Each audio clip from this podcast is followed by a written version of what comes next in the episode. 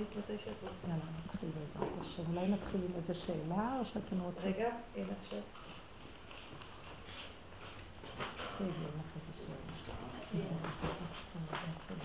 אפשר שאלה בקשר לפרשת כן, השבוע? כן. דווקא, כי דווקא מדברים פרשת השבוע על הבהמות הטהורות והלא טהורות. אז את דיברת באחד השיעורים על שלוש קליפות שאנחנו נמצאים בהן. קליפת, דיברת על מעלה אווירה. מה הם שלוש הקליפות? הטמעות. אני לא יודעת מה כל אחת ואחת, אבל אה, יש קליפה, זה דברים פשוט שכתובים ב... אבל התניא כותב אותם, שייכים לקבלה. שהקליפה הרביעית היא קליפת נוגה, שזה איפה שעץ הדעת טוב ורע ועם ישראל צריכים לעשות את התיקון. ומתחתם יש שלוש קליפות מאוד שהוא לא, לא מציין מה הן אותן קליפות, אבל הן נקראות קליפת החזיר אולי, נגיד. שזה, אי אפשר אה, לטהר אותן עד שיבוא אה, משיח בעזרת השם.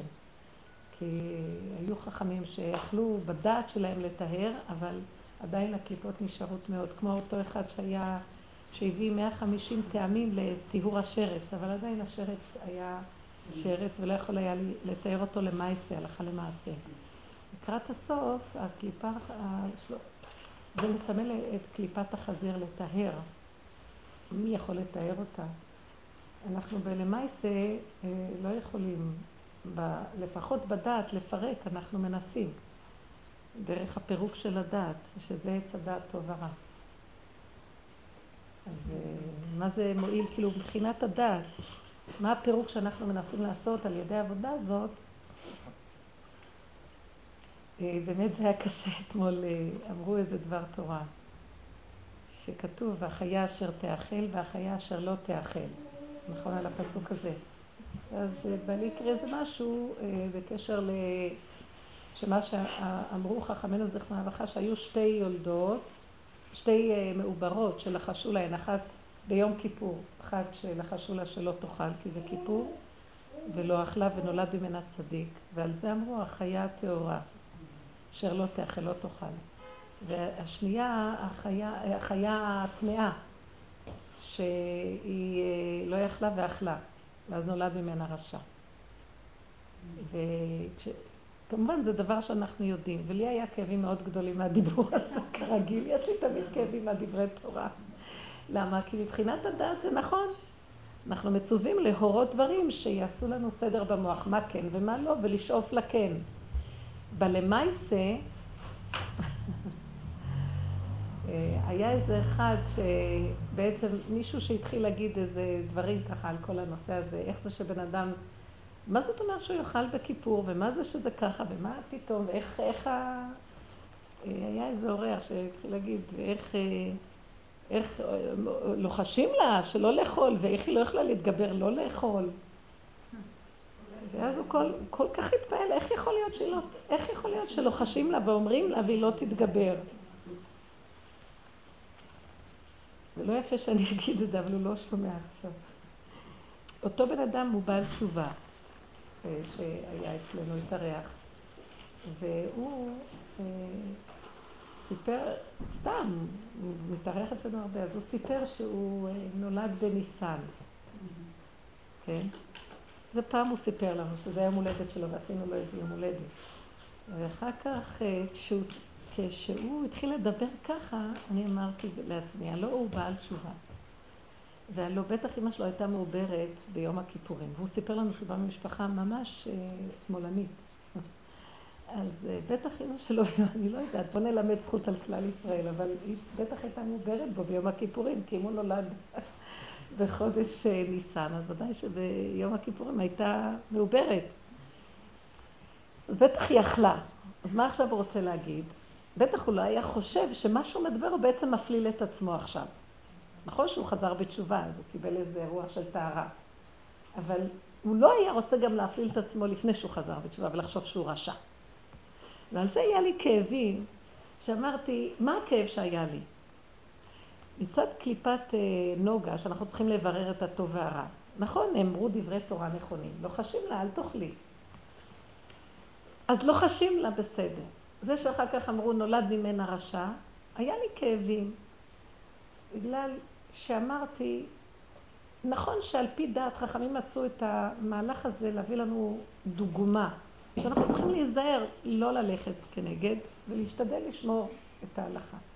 עכשיו, שלא הלכו, אנחנו צריכים ללמד זכות.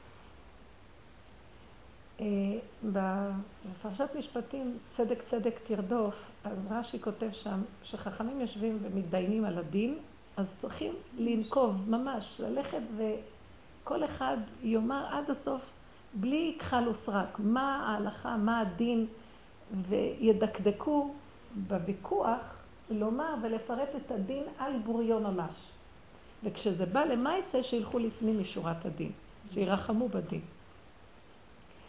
אז אה, כשאני מתבוננת ואני אומרת, נכון, על פי הדוגמה שרוצים לתת לנו, שכדאי לנו כן לשמור כדי שבעזרת השם למעשה יהיה לנו חיים טובים ונלך בדרך התורה. ולא, ונימנע מדברים שליליים. אבל לאחר מעשה שדבר קורה, אז כל העניין של לטהר את החזיר, מה שאני מבינה פה, לא רק מבינה, זה ממש בנפשי הדבר הופך להיות, אני רואה. יש לי כאבים מכזה דיבור בשולחן. למה? זה דברי חכמים. ודברי חכמים זה דבר, אבל זה דברי חכמים, זה דברים שהם דיברו. במציאות, אנחנו רואים את העולם, מגיע למקום שאם לא נלמד עליו זכות, אנחנו נחריב את העולם, פשוט. במחשבה השלילית שלנו, הביקורתית, והסיווגים וההגדרות והמבניות, שכל הזמן נחשוב שאנחנו הטובים ואחרים לא. אז ברמה כזאת לא נוכל להגיע למטרה של הגאולה, שזה אחדות, שבלעדיה לא יכולה להיות גאולה, מהנקודה של אהבה שאינה תלויה בדבר. מה עוזר לי להגיע לאחדות ולאהבה שאינה תלויה בדבר? מחשבתי לפנים משורת הדין. אני פועל אלך על פי דין, לעצמי. כשאני רואה את השני, אני אנסה ללמד זכות, ומה זה ללמד זכות? מתוך ראיית הפגם של עצמי, או בוא נגיד ככה, לעצמי אני אלך עד הסוף עם מידת הדין. לשני אני אלמד זכות. בדרך כלל זה לא עובד. כשבן אדם הולך עם הדין, עם עצמו, אז הוא נהיה דין, ועכשיו הוא מחפש מי אלה שלא עושים כמו שהוא עושה. ואז נמצא שהוא בעצם, חלילה, מתוך השלמות העצמית שבדעתו מצוי לגבי מציאותו, הוא מתאמץ עם זה בוא נגיד, יוצא שבעצם חצי מהעולם לפחות בעיניו לא כמוהו. ואז הוא נמצא כמלמד חובה על העולם, ואז הוא מקטרג על העולם, ואז מעלה מידת הדין בעולם, ואז נהיה פירוד בעולם, כי מידת הדין היא מפרדת, מידת הרחמים והחסד מאחדת. אז נמצא ככה, אז מה נעשה? אוי לי מיצרי ואוי לי מיוצרי. מצד אחד אנחנו כן נדרשים לא לאכול, נכון? לא אותה אה, מעוברת, חיה, מה שנקרא. חז"ל אמרו שהמעוברות נקראות חיות, והמיילדות נקראות חכמות, שהן רואות את הנולד. איזה הוא חכם הרואה את הנולד, אז חז"ל קראו לה מיילדות חכמות. וליולדות חיות, כי חיות הנה. בטרם תבואנה המיילדת וילדו. אז על זה לקחו את הפסוק, החיה אשר תורה וחיה אשר לא, לא תאכל, החיה אשר תאכל וחיה אשר לא תאכל, זאתי שאוכלת זאת שלא אוכלת. אז המקום הוא באמת להתבונן, הוא אמר דבר תורה מאוד יפה, אבל אני חשבתי, ריבונו של עולם, למה? נזכרתי בסיפור שעובדה דאבה לגבי דידי, שאיזו אישה שאני מכירה, מה זה מיוסרת? נפשית, רגשית, יש לה פחדים וחרדות, מנוער, מקטנות היא מיוסרת. וכל דבר קטן, כל לידה שלה הייתה מלווה בכל כך, כל הריון, כל כך מלווה בכל כך, רק ההתעברות כמה קשיים. ורק הלידה עצמה, ההיריון עצמו, אבל בצורה, והלידה לא כל שכן, וכן הלאה וכן הלאה. וכשמגיע זמנים של צומות, היא, היא, היא נהיית היסטרית, היא לא מסוגלת לעמוד בנושא של צום. נכנסים לחרדות פחדים, ואז היא התקשרה ערב אה, כיפור לרב, ואמרה לו את כל הקשיים שלה ואת הפחדים וזה. אז הוא אמר לה, לא, תצומי. אז היא התקשרה אליי, ואמרה לי, אני, אני, אני לא יכולה, אני לא יכולה, אני יודעת שאני לא יכולה, אני לא עומדת בזה. ניסיתי לדובב אותה ולהגיד לה, תראי, זה, אתה יודע, זה פסיכולוגי, וזה... אמרתי לה, את יודעת מה שתעשי, תניחי. היא אומרת לי, אני לא יוצאת מהמיטה, תניחי ליד הכיסא שלך מאכלים ושתייה והכול, אבל אל תשתדלי, תיכנסי בנפש, תיכנסי, תבקשי מהשם רחמים, תעשי מה שאת רק... לא- אז היא אמרה לי, אני לא יכולה, והיא כעסה להם מאוד, מה זה הדיבור הזה, מה, את לא מבינה שאני לא יכולה וזה? אז אמרתי לה, את יודעת מה? תתקשרי לרב, לרופא, ואחר כך תתקשרי עם הרופא לרב, עם הנתונים של הרופא. אז הרב אמר לה, את לא תאכלי. אה, את לא, אה, לא תצומי. הרופא אמר לה, את לא תצומי. תשתי לשיעורים, רופא חרדי. תשתי לשיעורים, תאכלי לשיעורים. וכך היה, היא עשתה מה שהרופא אמר לה. לא יכלה לעמוד בזה, ואחר כך שאלה גם כן איזה רב שאמר לה, אם הרופא אמר, תעשי ככה. וכשהם דיברו, ואז אני, את הוורט הזה, ואני חשבתי עליה, אמרתי, מה הם יושבים עכשיו מדברים וורט? כואב לי הלב. ואני נזכרת בה ואני אומרת, כמה שהיא עוברת, אי אפשר לתאר. אף אחד לא יכול לעמוד איפה שהאישה הזאת עומדת. אני יכולה להגיד לכם בפירוש שהיא כנראה זו נשמה, או איכר נשום, מה שנקרא, נשמה מאוד גבוהה שיושבת, נמצאת במקום מאוד מאוד שפל, שכל פעם שהיא מרימה ראש נותנים לה מכה, מחזירים אותה למטה. כל פעם שהיא באה קצת להתאושש, עובר עליה גל של משהו אחר. כשהיא נכנסה קצת לדרך, קצת יותר יש לה התאוששות, והיא למדה להכיר אה, את המציאות שלה, אז אה, היא אה, מדברת עם השם מהמקום של הכאבים, ואומרת לו שהיא מדברת שהיא לא יכולה, היא לא הולכת עם היכול שלה, היא הולכת עם הלא יכול לגמרי, מאוד מעניין. עבודת נפש, היא בעצם נמצאת בשיא העבודה הזאת, כשלימדו אותה את הדרך זה בדיוק התלבש עליה. כי באופן טבעי בלא יכול שלה המוחלט. אז לרגע בדבר תורה הזה היה לי כאבים, למה? כי ראיתי איך הם עוד מתהדרים בדבר תורה. בסדר, זה נכון שיש כזה ברור בדת שחייב להיאמר, אבל במעשיות, זה מה שאני מייחסת לשאלה שאת שאלת, במעשיות אנחנו לקראת הסוף נצטרך להשתלשל, ישלשלו אותנו לקליפת החזיר, לשלוש הקליפות הטמעות. ששמה עבודת הדת לא תעזור, הבירור של כן ולא לא יעזור. נדע ש, שאסור לעשות ולא נוכל לעמוד בכלום. זה, התחילו להגיע נשמות בעולם שלא יכולות לעמוד בשום טיפה של לחץ של כלום. והם, למרות שאפילו הם, הם, הם, הם ייוולדו במשפחות חרדיות והם יהיו צדיקים מלידה והכול, לא יוכלו, הנשמות שלהם לא יוכלו, הנפשות, לא יוכלו להגיע למקום של האיפוק ושל להחזיק את עצמם, כי הקשיים מבפנים, כוח ההתנגדות מבפנים יהיה כל כך גדול, שבכלל לא נוכל בדעת לתאר עד כמה זה קשה. ואנחנו כביכול בעלי הדעת, וכאילו אנחנו שולטים כי אנחנו רחוק מהמקום הזה, דנים אותם. ואומרים, מה זה, מה זה, מה זה, מה זה. לקראת הסוף, על מנת, ואז כשאנחנו שואלים ודנים, נוצר מצב של שתי מחנות. אלה שאוחזים בכיפה ויודעים ונמצאים במקום ומחזיקים, והם נקראים הצדיקים בינינו, כן? ואלה שנופלים כל רגע על כל צעד ושעל ולא מסוגלים להחזיק מעמד. ואז אנחנו אומרים, איזה מופקרים אלה. ואז נוצר פירוד, והגאולה ממתנת. כי אין אחדות, לא יכול להיות במצב כזה. הדעת לא יכולה לאחד לעצמה מצב שסותר אותה. טוב, התורה אומרת ככה, ואלה עושים ככה. וזה יהיה מאוד קשה. אז גאולה, מה תהיה איתה? אז לקראת הסוף יהיה מצב שהשם לאט לאט יביא מצבים יותר קשים כאלה שהדת לא תוכל לסבול אותם. ואז הבן אדם ימצא, שיש לו דת, ימצא את עצמו במצבים שזה יהיה סערה גדולה בשבילו. איך הוא לא מחזיק מעמד בזה או בזה, יצאו כל מיני תוואים, או כל מיני אה, יצרים, או כל מיני אה, מציאויות החוצה, עוד אם השם מרחם עליו והוא מתבונן, אז זה יהיה רק בינו לבינו, אבל דברים שהוא לא ש... שערום אבותיכם, מה שנקרא, הוא לא העלה בדעתו, יצאו לו.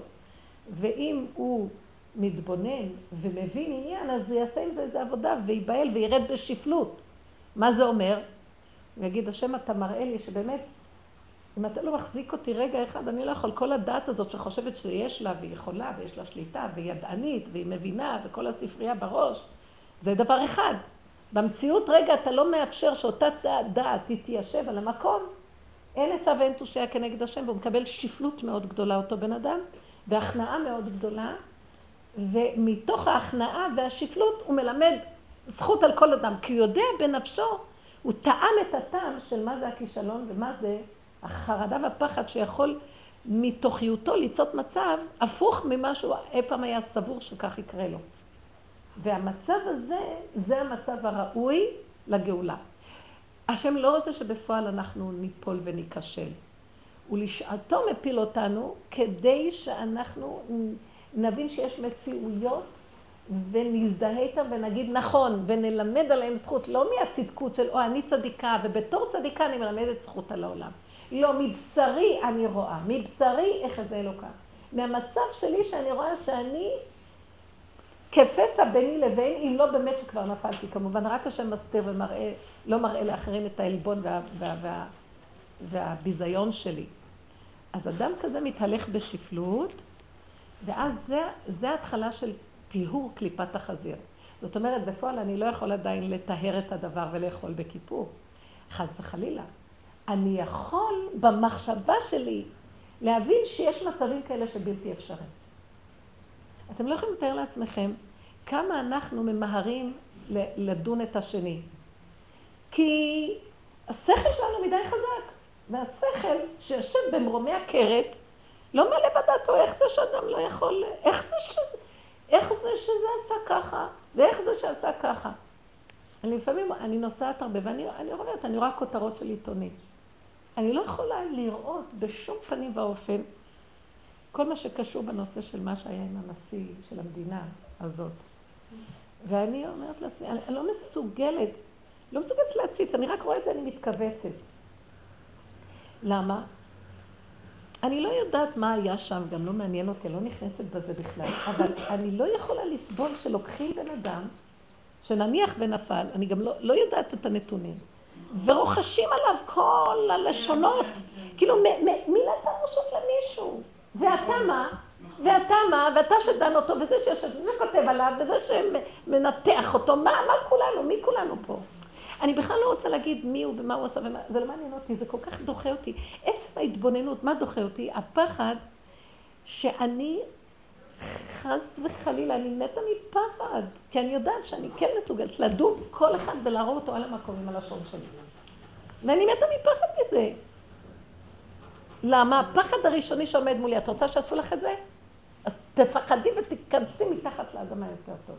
ואיך אנחנו בקלות דעת פותחים את הלשונות, מדברים, לוקחים את הבני אדם ועושים אותם נחלת הכלל. מי התיר לנו את כל זה? וזה ההפקרות של הרשעות של הקליפות שלנו.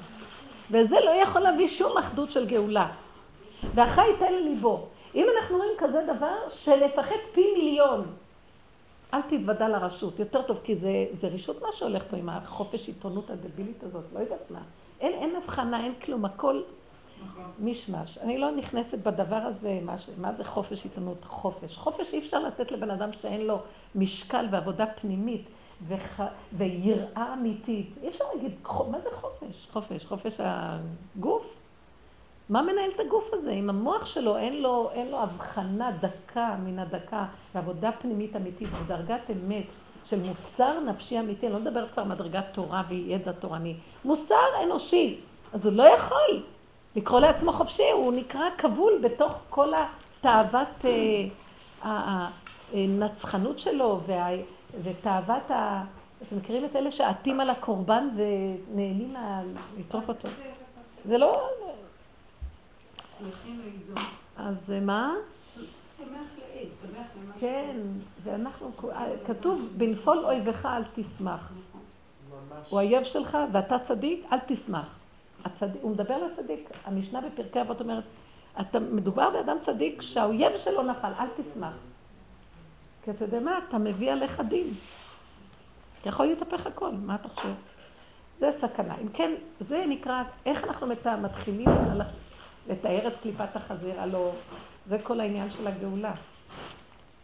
שבסופו של דבר אנחנו, מה, מה שאנחנו אומרים, עד דלא ידע בן ארור המן לברוך מרדכי, זה לא חס ושלום ש, שהמן נהיה צדיק ברגע אחד, איך יכול להיות? עד שאנחנו בנפש לא נקטרג על אף אחד. השם ידין אותו את המן. אני בדעת לא אחד. השם יודע, הוא ימחה את עמלק. אני מצווה למחות אותו בדעת כמה שאני יכולה. זה בפרשת כי תצא. ואת זה אנחנו רואים בזכור, בכי תצא. פרשת בשלח השם, מלחמה להשם בעמלק. אני מוסרת לו עד פה, כל השאר, אני לא מוכנה להיכנס לעומק. כי למה? אני מגלה שאם אני נכנסת לעומק, אני בתוכי יש גם המן אחד גדול. אז נמצאתי מקטרגת על עצמי, לא יודעת, לא מבינה, לא כלום. ריבונו שלום, לא מבינים את הבריאה שלך, זה דבר מאוד נסתר, מזימה מאוד נעלה. מה את פה, אני יכולה מפה והלאה, אני רק יכולה ללמד זכות על הכל, בגלל שאני רואה שאני יותר גרועה מכולם. אז אם כן, מהפחד שמא תיגע בי, גם כן, לא מהאינטרס של אהבת מרדכי. מהפחד של מציאותי, אני מבקשת להתמעט ולמסור לך את הכל ולבקש, תרחם על הבריאה שבראת, ונמצא דבר יותר ויותר. בן אדם שחי, איך אני יודעת שאני לפחות בדעת עוברת למקום הזה לטהר את הקליפה. בדעתי אני מטהרת, שאני מוצאת את עצמי, כל דבר הכי קטן שמדברים דברי תורה גבוהים, שמחייבים את, מזעקים את הצדיקים ומחייבים את הרשם, יש לי כאבים. יש לי כאבים. מהדעת הזאת, יש לי כאבים מהדיבור הזה. למה? שאני תמיד אומרת, רגע, רגע, רגע. אם הייתי עכשיו ליד כולם מזכירה לך שאתה בעצם נולדת, שאימא שלך אכלה בכיפור. היית יושב כל כך טוב על הזה, שכחת. נכון, השם זיכה לך, חזרת בתשובה, קיבל, קיבלת רוח נדיבה, והשם עוזר לך, ולא מזכירים עברו של בעל תשובה וזה. אבל אדם בעצמו צריך לזכור את עצמו כל הזמן, כדי שלא תזוח לאו דעתו. דע מאין באת ולאן אתה הולך. דע מאין באת מטיפה סורך. כולנו, כולל הצדיקים הכי גדולים. וזה מראה מדרגת הצדיק, שבעיני עצמו הוא שפל מאוד, והוא ממליך את השם, שהשם הוא הצדיק ולא הוא הצדיק. צדיק אתה השם. וזה מה שמביא אחר כך את האחדות, כי אז הוא עומד ליד אחד שבוא נגיד הכולי עלמא נראה לא במצב טוב, אבל ההוא למטה אומר, כי הוא נמצא למטה, אומר, אני בעצם היהודי, מי אני, אני, הוא יותר טוב ממני. זה מביא אחדות. זה מביא אחדות. זה לא אומר שהוא הולך לעשות כמעשהו, אבל ב, הוא עושה מעשה צדיקים, ובנפשו הוא מחזיק את עצמו רשע. כמו שווידוי של רבנו ניסים גאון אומר, בווידוי של הדברים שהוא מוציא את נבחי נפשו ומתוודה לפני בוראו, שהוא העמיד את זה כיסוד לכולנו, איך צריך להיות הווידוי, כמו יום כיפור. נקרא יום כיפור קטן, אומרים את זה ביום כיפור קטן, את הווידוי. אז זה ממש כמו ביום כיפור, לומדים ומתוודים את כל הדברים הכי פנימיים. אנחנו מתירים להתפלל עם העבריינים. כן, אנחנו בעצמנו עבריינים. מי זה עבריינים? איזה כמה שנכנסו בסוף הדלת? בתוך כל אדם ואחד יש את העבריינות. עומד מהזוהר הקדוש אומר על נינווה, על יונה שלא רצה ללכת לנינווה, שיונה מסמלת הנשמה, והספינה זה הגוף. הוא, נש... הוא לא רצה ללכת, הנשמה לא רוצה ללכת בשליחות לגוף. הגוף עכור, מלוכלך. מה אני ארד עד לשם ועוד לתחתיות הגוף? מילא, אני אשב במרומי הכרת. הוא אומר, אני נביא בישראל, שלח אותי לנבואה בישראל, אני אשב לי בדעת. הוא ידע שיחזרו בתשובה, הוא לא רצה להתבזר. אה, הוא ידע, המדרש אומר שהוא ידע שהם יחזרו, שהם יחזרו בתשובה. לא וכל הליכתו תהיה לחינם. כן. ויהיה קטרוג על הדעת. זה בוא, בוא נפרש את זה. יהיה קטרוג על המציאות. אבל השם רצה להראות לנו, וזה ביום הכיפורים. קוראים את זה במנחה של יום הכיפורים, להגיד לנו, תשמעו, כולם בחינת, לכל אחד יש בחינת, כתוב שלעתיד לבוא, הקדוש ברוך הוא יעשה דין בגויים. ידין בגויים מלא גוויות.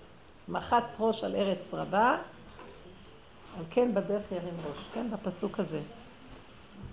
אז uh, מישהי אמרה לי, נו, מתי הוא יעשה נקמה בגויים ותוכחות בלאומים?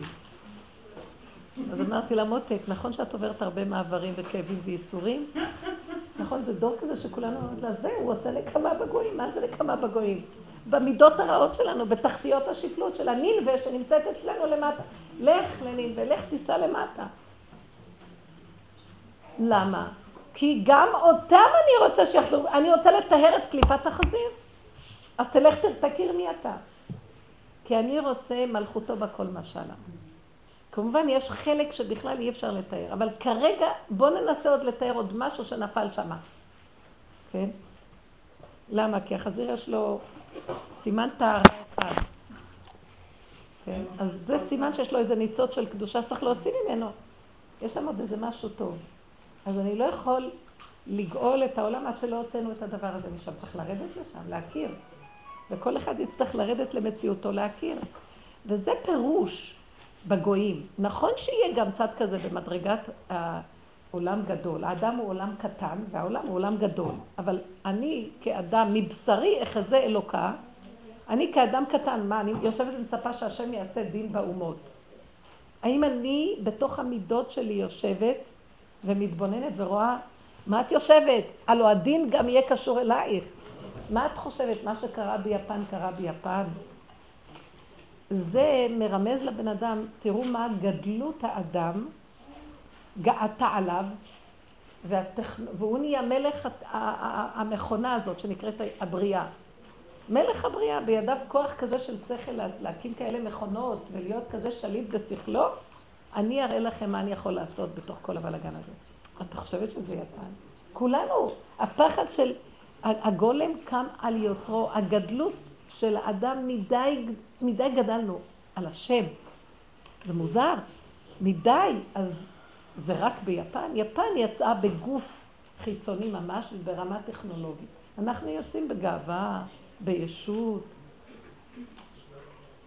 ואני עוד אומרת לעצמי, אנחנו העיקר של העולם, וכשמשהו קורה בעולם, אז צריך לתלות את הסירחון בעיקר, לוח הבקרה. משהו התקלקל בלוח הבקרה. כי אנחנו הריכוז של העולם, ארץ ישראל גם מדע. כל יהודי הוא, הוא, הוא תמצית מאוד גדולה. אז, אז כאן קורה היסוד הראשוני ואחר כך זה מתפשט. הגדלות שלנו מדי גדולה, הגאווה והסירחון וההתבדלות והרצון אה, להתבלט שאנחנו הטובים על חשבון כמה שהם רעים וכן הלאה וכן הלאה, זה פסול וזה עושה את הבלאגן בעולם. צריכים לעשות תשובה שלמה על המקום הזה. שהגדלות של האדם תיפול ושנלך בבכי ובתחנונים יבואו, נלך ברמה של הכנעה ושפלות, וזה מאוד קשה, קל לי לדבר. כל רגע יש ניסיון אחר. אחר כך תפסתי את עצמי שאני מתרגזת עליהם, שאני עושה בדיוק מה שאני לא רוצה לעשות. מה שאני רוצ, לא רוצה שהם יעשו, בזה שאני כועסת עליהם, כאילו, על הדברי תורה האלה. לא, זה דברי תורה נכונים, אבל שהם יגידו אותם קצת בשפלות, וקצת יכוונו את זה למקום, אבל יגידו בסוף הדבר תורה, אבל ריבונו שלום, רק אתה יודע כמה אנחנו קצרים ולא מסוגלים, דור קשה. לא, גומרים, חותמים את הדבר תורה עם איזה גדלות של אנחנו יודעים מי הצדיקים ומי הרשעים. היה לי כאבים מזה. אחר כך ראיתי שהכאבים שיש לי מזה, וקצת אחרי זה אמרתי כמה מילים לבעלי בנושא הזה, וראיתי שאני כאילו מלמדת אותו בעניין. אחר כך הלכתי למטבח והייתי צריכה לצעוק להשם שאני בעצמי עושה את אותו דבר. כי ברגע שהם עשו ככה, גם אני עשיתי ככה. אמנם אמרתי להם איזה דבר לאזן, אבל גם אני בעצמי יצאתי אליהם כאילו הם לא בסדר, ואני כן יודעת מה בסדר. וזה עוד פעם הייתי צריכה להחזיר את עצמי למקום של ההתבוננות. ההתבוננות המושלמת, כמה אנחנו בסכנה כל הזמן. בגלל היסוד של הדעת. כי בסופו של דבר צריכים להוריד את הראש ולהגיד, ריבונו שלם, אתה רואה? אנחנו תקועים. הגיע הזמן שתסגור את הספריות. לא, הגיע הזמן שתיתן לנו באיזשהו מקום את, ה, את הנפש, את האמת. כי אנחנו מדי עפים בדעות ורעיונות, ובמציאות אנחנו לא עומדים בניסיונות של האמת הפשוטה. הכנעה, פשטות, שפלות, לימוד זכות. לחיות ב, בקירוב אמיתי, לא, לא לראות אף אחד בצורה שלילית. לא לראות אף אחד בצורה שלילית.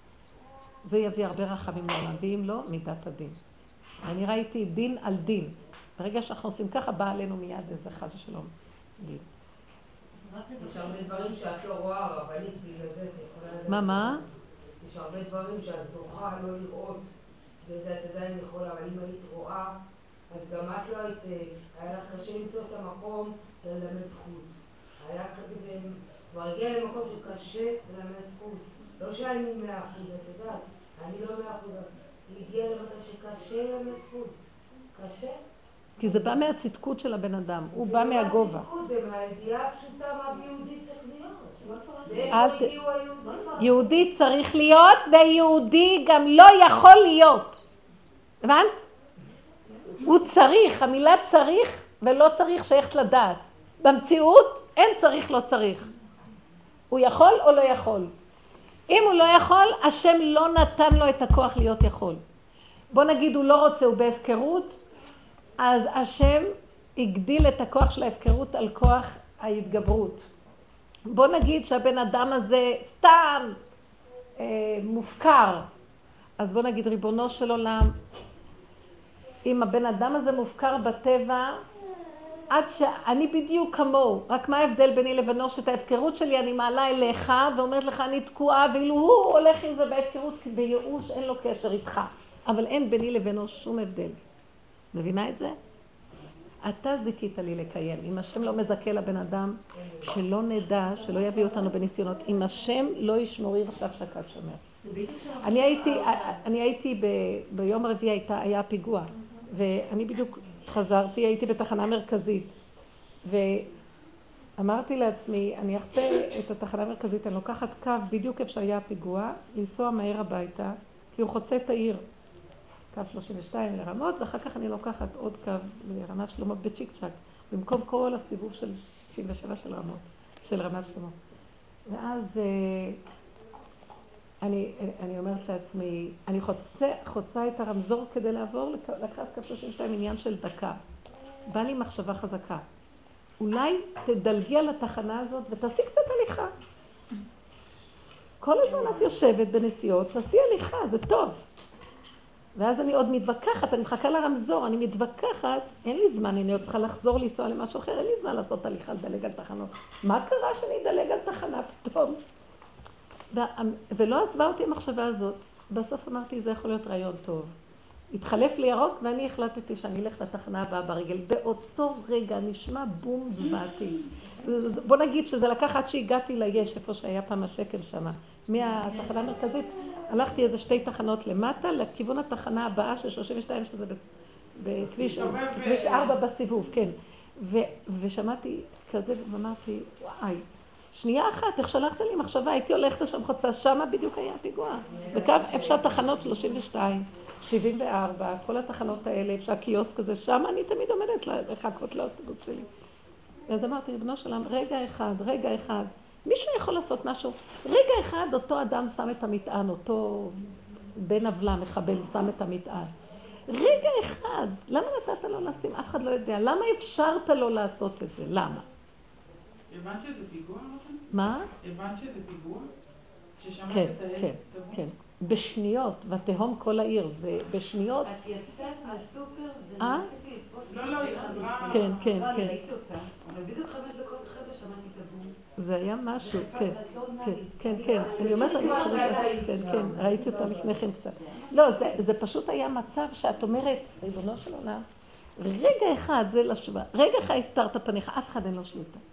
נכון שאנחנו מצווים, אנחנו רוצים, את יודעת, עוברות על בני אדם כל כך הרבה צרות בחיים, כאבים, נפשות רגישות, ולא מבינים את הנפש של האדם, הוא לא יודע איך לתקשר נכון, הוא נופל בייאוש, נופל בחולשת הנפש, והוא הולך ועושה דבר נגד הדרך שהתורה אומרת. זה קשה לבני אדם.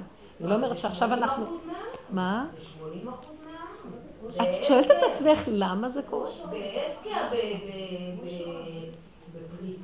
אז תגידי למה זה קורה. אני לא. אז הנה התשובה. כי כשאנחנו הולכים בצדקות, אנחנו לא יכולים להיגאל. כי אנחנו מדי חושבים שאנחנו המציאות. רק בבכי ובתחנונים יבואו.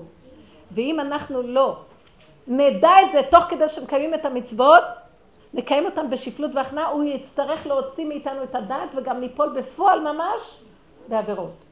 כי אם הבן אדם לא מתבונן, ותוך כדי זה שעוד הקדוש ברוך הוא התיר לו, הוא קצת פתח לו, אבל הוא מזה לומד, ואז הוא נבהל, אז הוא הולך בשפלות והכנעה, אז הקדוש ברוך הוא לא ייגע בו ולא, ויזכה לו להמשיך לקיים את המצוות. אבל אם לא, והוא עוד הולך בשירות לבו, שהוא חושב שיותר מכולם, יצטרכו לפגוע בו, ובכוח יורידו. למה יורידו את הבני אדם בכוח? כי רק כשאין לנו כוח, אנחנו מוכנים להיכנע.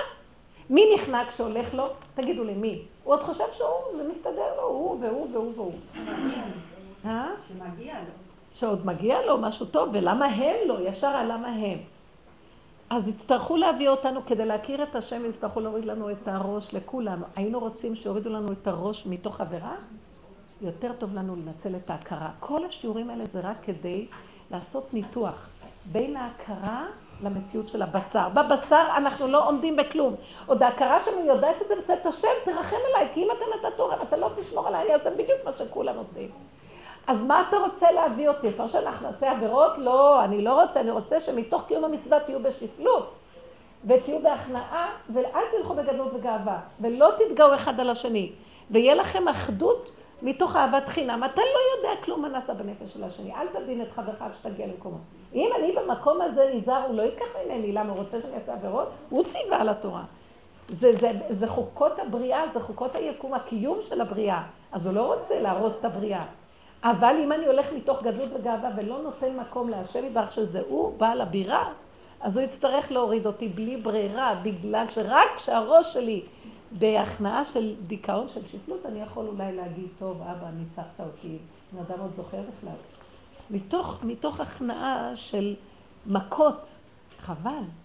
אם היינו קצת מתבוננים, למה הוא מאפשר את השיעורים האלה? אני שאלתי אלף פעם את עצמי, מה את מדברת? למה? למה? מה? סתם קשקושים, הלוא את לא עומדת ברבע ממה שאת אומרת. אז אני אומרת לעצמי, כי הדיבורים האלה חוזרים, ומאפשרים לי להבין שיש לנו עוד איזה בחירה. מה הבחירה? להכיר שלא יכולים, ומיד להתוודות את חטאותם לפני השם, ולהכניע ראש, ולהגיד לו, אבא, לא יכולים. לא יכולים, יכול לעמוד בכל המהלך הזה? רגע, אתה מראה לנו, הסתרת פניך, תראה איך נראה, גל של צונאמי אחד הורג את כל העולם, את כל העולם שלהם. ומה אתה חושב? אנחנו גם אמרנו פה, אצלנו זה גלים בנפש מאוד חזקים. אנחנו מאוד בחרדה פה, כל הזמן המצב שלנו פה זה ב... למה השם מביא לנו מצב שמיום היווסדותה של הממלכה הזאת, של הממלכת ישראל הזאת, שככה מכנה אותה הנביא, שאנחנו, אחרי שנחזור מהגלויות, נקים ממלכה שלא הולכת בדרך השם. אז למה הוא מעמיד אותנו, כל הזמן יש כאן מתחים, לחצים, מלחמות, פיגועים, אנטיפדות, טרור, למה? לעורר אותנו שלא נשאל, שאנחנו לא יושבים נכון. מה אנחנו עושים? אה, דנים את אה, הדמות הזאת והדמות הזאת, והיית... לא מבינים בכלל את הרמזים. זה עושה, אני לא יודעת על הדמות של הנשיא. אני לא, לא מכירה, אני לא כל כך, אני לא מעורה בדברים האלה. אני אומרת לכם, באותו יום שפרסמו, באותו יום היה הפיגוע. באיזשהו מקום, אני, אני, אני לא יכולה לסבול את זה. מעמידים בן אדם, וכל הזמן, אני לא יכולה, לא, אפילו פושע, שיעשו את זה קצת בסתר. שידונו אותו בדלתיים סגורות, שידונו, מה זה הדמוקרטיה הדבילית הזאת? זה קטרוגים איומים על עם ישראל. זה לא מקום טוב. אה? מושג שקרי מיסודו, דמוקרטיה. לא, דמוקרטיה זה רעיון מאוד גבוה, שהוא מתאים לאנשים בעלי רמה. לא לאנשים טיפשים כמונו, שאין לנו שום חופש. אין לנו שום יכולת לבחור. אנחנו עבדים לתוואים שלנו, ואין לנו רגע בחירה חופשית. הטבע בוחר אותנו. את חושבת שאת הולכת לקנות שמלה, השמלה בוחרת אותך. אין לך שום בחירה. אמרתי כי... לבעלי, עם הנשיא, ש... אז הוא אמר לי, מה את רוצה שהוא, הנשיא... כאילו אמרתי לו, זה לדעתי לא בסדר שהם ככה עושים לו, כאילו גם אה, עושים לו מין אה, דין ראווה כזה, מין אה, משפט ראווה כזה. אז הוא אמר, מה, אבל הוא לא צריך לקבל מה שאמרתי לו, לא יודעת, הם לא יודעים צדק. הם לא יודעים צדק. כן, זה לא, אני לא דנה בזה, מה הוא צריך לקבל, מה הוא לא צריך לקבל, לא דנה בכלל. בכלל, כל הצורה הזאת של איך שנראה המלכות הזאת פה, אז השם מעמיד אותה, את המדינה הזאת במידת הדין, זה נקרא מדינה מלשון דין. שיציל אותנו מדינה של גיהנום, שזה מדינה של גיהנום. וכל הזמן יש כאן דינים, כי אנחנו עושים את הדינים לעצמנו. עכשיו, למה אני אומרת את זה? לא, אין לי עניין לבקר את המדינה. אני, והחי לי ליבו, אני מזה לומדת, כמה אני צריכה לפחד. מישהו רוצה שהדין יפגע בו? אנחנו נמצאים בדין מאוד נתוח. אנחנו רוצים שהדין יפגע בנו? כי ריבונו שלנו, אם רגע אתה רק שם עליי, אני לא מחזיקה מעמד בכלום, תרחם עליי. אז הוא אומר לי, את רואה שאני ארחם עלייך? תרחמי את על הבריות, תרחמי על העולם. מידה כנגד מידה, השם מודד באותה מידה שמודדים. אז תלמדי זכות על זה ועל זה ועל זה ועל זה, ורגע אחד שאת הולכת באיזה דין של ביקורת, זה גאווה וגדלות, תורידי ראש. אז מזה אני למדה לעצמי, אני לא נכנסת בדמויות, ולמה דנו, לא דנו. בכלל כל המערכת של המלכות הזאת, מה שהעמידו נשיא, כל כך הרבה דמויות, ומי צריך את כולם? כמה כספים הולך עליהם? תביאו איזה אחד נורמלי שקצת יניק פה, שיבוא משיח צדקנו. אבל זה לא, זה לא הנקודה עליהם, זה הנקודה, גם צריך להיזהר, לא לדון אותם. מה אני יכולה ללמוד מזה לגבי עצמי ולפחד? בדלת אמותינו אנחנו צריכים לפחד. לפחד מהפה שלנו, לפחד מהגדלות, לפחד מלדין את כולם. אפילו שאת רואה שהם לא עושים דברים כראוי, תצעקי את זה להשם, חם ליבי בקרבי, אבא, אני הולכת לפוצץ אותם, אני, אני, אני לא יכולה להחזיק מעמד. כאילו נהייתי הקנאית שלך. ממתי את קנואית של השם? כן, את מבינה? זה הדמיונות, זה הדמיונות של החזרה בתשובה, אני לא יודעת מה זה. בסדר, זה טוב שחזר, זה טוב שאנחנו במקום הזה, אבל זה מתוך, לא מתוך דין, לפחד. מי, מי בכלל שם אותנו לראש פה? גרמנים לא מכירים משהו אחר, גרמנים, יש. לא, אבל את יודעת, כי באמת את צודקת. את הצאצאים של חתם סופר אמרת לי, הוא היה מלא רחמים. את צודקת בכל מילה שאת אומרת, באמת, אני רגע שנכנסתי, ושתדעי לך, שזה לא נעים להגיד, אבל בגלל שאני ניסיתי לעזור למישהי אחרת, לא לחלל את השבת שלה, נפלתי אני שחזרתי מבית כנסת, ופעם ראשונה בחיים שראיתי פלטה, מחובר, אסירים לא חוממו. מה השם אומר לך? עכשיו מה? נכנסת עבירה, אני לא יודע, אני כזו, אני אעשה עבודה. אני אעשה עבודה, לא יודע למשפחה שיכול ככה. אני אעשה עבודה. איזה מתוקה. אמרתי, וואי, אני רציתי ורציתי וכמה ביקשתי, אם נותן לי שבת אחת, תזכי אותי, כולנו, כולנו, מה אנחנו? מחפשים היתר, איך אפשר עוד לראות שהסיר חם, אולי להקפיץ אותו לשכינה. לא, בן יודע, אמר לי כמה חילולים את עושה, הוא רצה לאוכל חם, הוא אומר לי כמה, הוא סופר לי על היד. לא, לא, תראו, תראו, באיזשהו מקום הוא רוצה שנשמור, שלא יישמע שאנחנו צריכים להפקיר. שיישמע שאנחנו צריכים להפקיר את מידת הדעת הדנה, הדעתנות, כאילו אנחנו מבינים משהו. זה לא טוב. גם על להוכיח, שיש מצווה הוכיח תוכיח, זה גם צריך להיות מתוך המקום של הכנעה פנימית. כן יש עניין להגיד לשני משהו, לעורר אותו, אבל מתוך שהוא מדבר, הוא מחפש איפה המקום הזה דומה לו, ואת המוסר הוא אומר לעצמו בקול רם ליד השני. כאילו שהוא אומר את זה לעצמו. כן. קצת מים אולי? אה, לא, יש לי כאן. לא, לא. אם אני יכולה לחסוך שאני לא אשתמש בשם. גם מים עולה כסף היום. כן, כדי כך. תודה רבה. כן. אה, של הפיגוע... תודה. ברוך אתה אדינו אלינו מלך העולם, שהכל נהיה לבן. אה, הבן שלי, שהוא בן 14, כן, הוא דווקא ירד בתחנה מרכזית, באותו זמן של הפיגוע, והוא רץ לפיגוע, לראות מה קורה שם. כי זה אקשן. אז עוד כמה דקות ממש, הוא היה מהראשונים שהגיעו לשם ותעשו הרבה דברים וככה וככה וככה. ואחר כך כשהוא חזר הביתה, אז התחלנו ללמד, והוא היה ב... הוא היה בהייפ, כן? כי היה אקשן, זה לא, זה לא, זה לא עניין, לא אחר כך הגיעו כל השכנים כדי לשמוע את האקשן, זה לא... אבל אני ראיתי אותו, ואני ראיתי את עצמי. ואני ראיתי את עצמי, ואני אמרתי לו, הוא, איפה אני נמצאת? כי באמת, נגיד, אני צריכה להיות רחמנית, וככה, ומה קורה, אבל הדבר הראשון שיצא לנו, שיצא לי, הוא אומר, וואו, מה קרה שם? זה היה מעניין. כן, כן. הסקרנות הטבעית של האדם. הסקרנות הטבעית, ולא רק, זה סקרנות טבעית, אבל לפעמים גם זה עניינים רשות, זה לא... אז אני אמרתי לו, נכון, נכון. אני אומרת לך, כן, אז זה רשות לרוץ לראות את ה... כן, כן, כן, פשוט...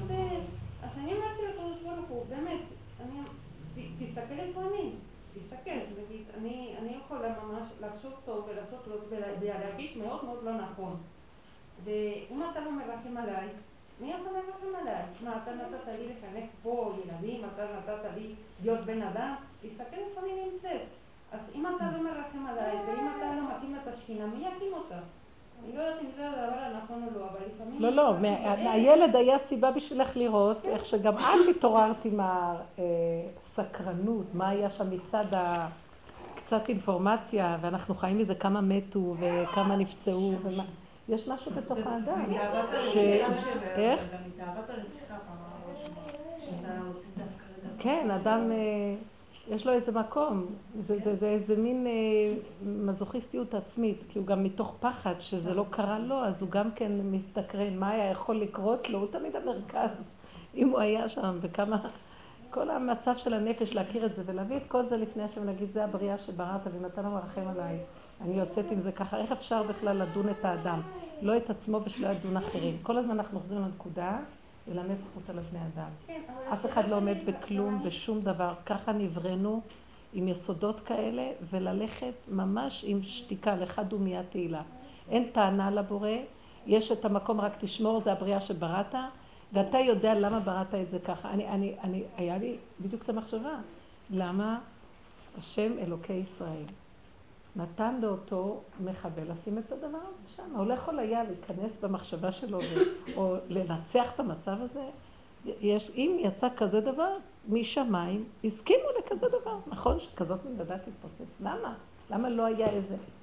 כי אנחנו לא מבינים, כמו שזה כל כך מצחיק, אני חשבתי, לא, באותו רגע שאותו אדם שם את זה, לא יודעת אם לקרוא לו אדם, אז הוא חשב, אללה איתי, אני לא יודעת אם הוא בכלל, מה הוא היה, מי הוא היה, אני לא, לא יודעים כלום. וגם אנחנו חושבים שהשם איתנו. תחשבו על דבר אחד, אז עם מי נמצא השם הזה? איפה הוא? למה הוא מסכים כזה דבר ולא כזה דבר? אתם יודעים מה אני רואה? דבר מעניין. שזה אנחנו עושים את זה לעצמנו, והשם עומד בחוסר אונים ואומר לה, אתם, זה דבר, אתם מביאים תוצאה כזאת על עצמכם. אם תלכו בכללים ובחוקות ותדעו את הצמצום הנכון ותהיו קשורים איתי מתוך חרדה ויראה, של מה חרדה ויראה? מה שאתם יכולים לעשות בעולם, יבוא עליכם. אתם עושים ככה, הבריאה הזאת זה כמו איזה מכונת צילום גדולה. את עושה ככה, זה עושה ככה. באותה מידה שאדם מודד, מודדים לו. מידת הדין מסוכנת. אדם דן, מודדים לו בדין.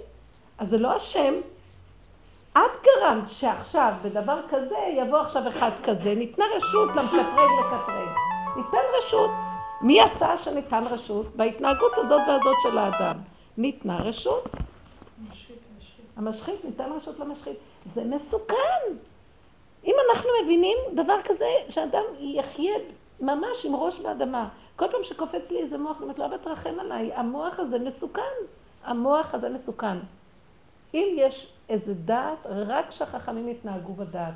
הם יכולים, והם חכמים נכנסים, ועל ידי לימוד התורה הם מביאים שלום בעולם. אבל אני מביאה חורבן לעולם על ידי, רק מרימה את הראש. קצת אינפורמציה, ישר אני מחזיקה מי אני. רק עשיתי איזה משהו, אני יותר מהוא. רגשי נחיתות, וכל הזמן מחפשים איזה אה, מדרגה ואיזה כבוד ואיזה אה, חשיבות. מה זה? זה לא, אנחנו מסוכנים.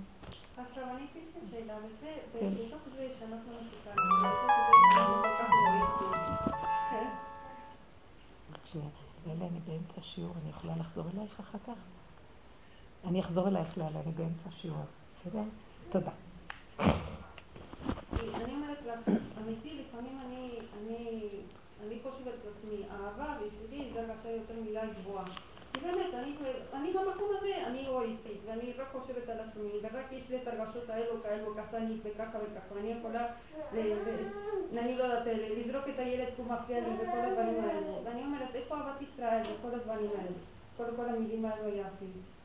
אני שואלת אותך, את זה שאני אומרת רבות... שאת אומרת, למה אנחנו כן, הולכים כן. בשלילה ולא לא, בחיוביות? לא, לא, לא, אני, שואלת, לא, כי בחיובי כן כבר אין לי מקום שם. או את יופי. לא, בוא נדגיש את זה מול המצלמה, כי אנשים שומעים. עוד פעם נדגיש, שללכת עם החיוביות של עצמנו, כאילו למה אנחנו רק בדרך הזאת מסתכלים על הפגמים? החיוביות של עצמנו היא הסכנה שבזה אנחנו מתגדלים, ואנחנו אחר כך הופכים להיות מתבדלים, ואין אחדות בישראל. אמנם זה מחיה אותנו לרגע ונותן לנו הרגשה טובה שאנחנו משהו ושאנחנו זה, ומתוך המקום הזה אנחנו חיוביים לשני, אבל אם מישהו ינסה לעשות לנו משהו שלילי, אנחנו לא, יכול, לא נוכל לסבול. לכן החיוביות הזאת היא בעצם פסולה. היא חיוביות של עץ הדעת טוב, שאחרי רגע יכולה להיות עץ הדעת רע. ומה שאני צריכה לעשות זה, החיוביות צריכה לבוא מצד הקשר שלי עם בורא עולם. עכשיו, איך אני יוצרת את הקשר עם בורא עולם, שהוא הטוב והאמיתי והאמיתי, שישפיע עליי מטובו וחסדיו, שהם הם אינם מתהפכים לכאן או לכאן, אלא זה יציבות של, של אהבה אמיתית, שאינה תלויה בדבר, אז איך אני אגיע לקשר של הבורא? רק על ידי זה שאני מתמקדת במה מפריע לי להיות בקשר הזה, שזה הפגמים שלי. הגדלות, הגאווה, הקנאה, השנאה, התחרות, הדעת, ש, ש... הדעת היא לא גרועה, אבל כשהיא מתרחבת בידי מידות רעות, היא גרועה. הדעת בעצמה, אם עובדים איתה נכון, וזה בכוח התורה אפשר לעבוד איתה, אבל אם לא, היא הופכת מישר, הבן אדם רק יודע משהו, כבר מחזיק שהוא יותר מהשני. אז אם כן, רק על ידי גילוי הפגמים, שאם אני לא נשבר מהם, אני רק מבין שזה המקום שלי להכניע את עצמי כדי לקבל את המרות שלו ואת הקשר של השם, שזה ממנו בא הטוב האמיתי. זאת אומרת, נמצא שכדי להגיע לקשר של חיוביות אמיתית שנובעת משכינה, שזה שהאדם יכול לחיות ככה באהבה שאינה תלויה בדבר, למרות כל הדברים הוא אוהב את הבן אדם, כי זה שכינה בתוכו, אני צריכה לפחד מאותו כוח של שלילה שעוצר את השכינה מלהתגלות, שזה כל הרע שבתוך האדם. אז לכן כל עבודתנו מתמקדת בלעבוד, בלהכיר את השלילה, את הקווים המחסומים והעננים החשוכים שמפריעים לשכינה להתגלות. אז אני לא מתמקדת בחיוביות שלי, כי מזה יש לי חיוביות רגעית, שהיא באמת לרגע היא כמו איזה סיפוק קטן טוב, ריגוש נעים, אבל באמת ב- ביסוד שלה היא לא עבודה שורשית אמיתית. לעומת זאת, אם אני הולכת בצד של השלילה, להסתכל ולהתבונן ולקבל אחריות ולבקש את הרחמים מהשם, שזה מאוד קשה, זה תהליך ארוך פנימי, אבל הוא תהליך לאנשים שמוכנים להיכנס עד הסוף בנקודה, כי אם לא ניכנס עד הסוף בנקודה, ייכנסו בנו עד הסוף. זה מה שנהיה. אין אפס היום. אם אתה לא נותן עבודה, אתה יכריחו אותך, ואחר כך לא בטוח שיהיה לך את הכוח לעבוד.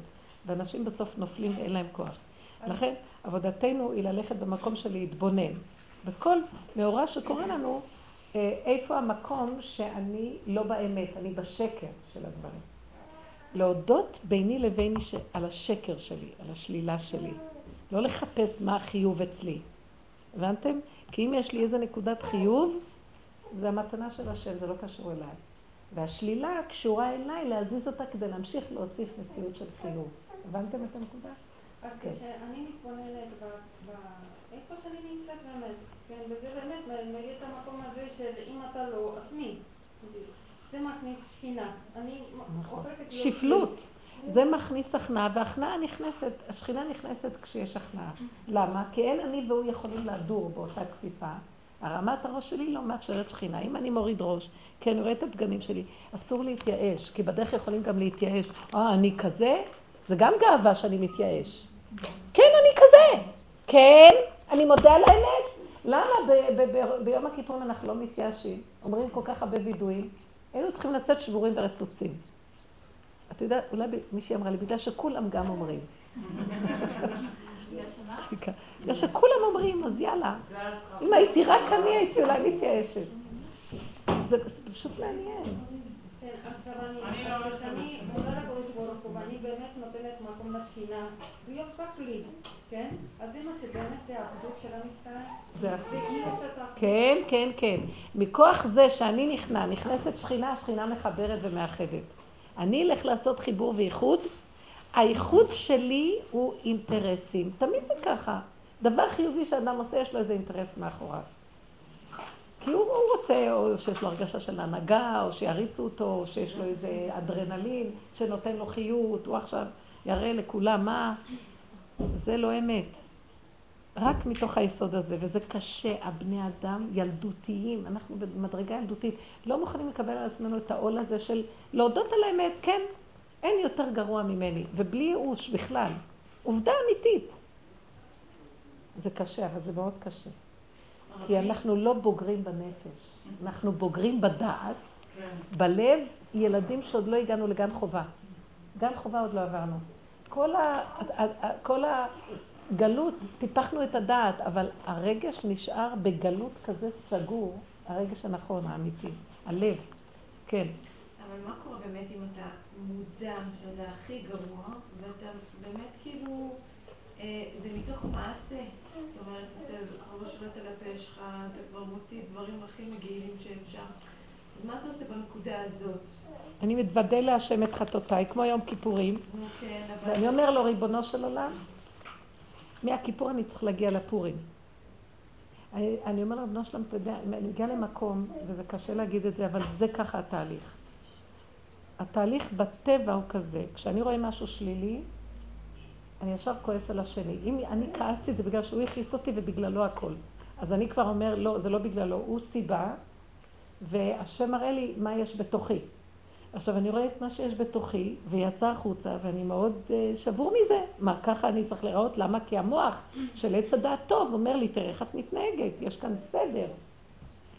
אז עכשיו אני אומר לעץ הדעת טוב, אתה צודק, אבל במציאות אני לא יכול. עכשיו, איך אני אומר לו את זה? אתה צודק, במציאות אני לא יכול. אחר כך אתה אומר, קורא לי עוד פעם, אומר, אתה יודע מה, אתה צודק, אבל אתה רואה שאני לא יכול. לאט לאט את מתחילה ליישר קו, לא יכולה. אז את פונה להשם ואומרת, ריבונו של עולם, בכוונה אתה מביא אותי שאני לא יכול.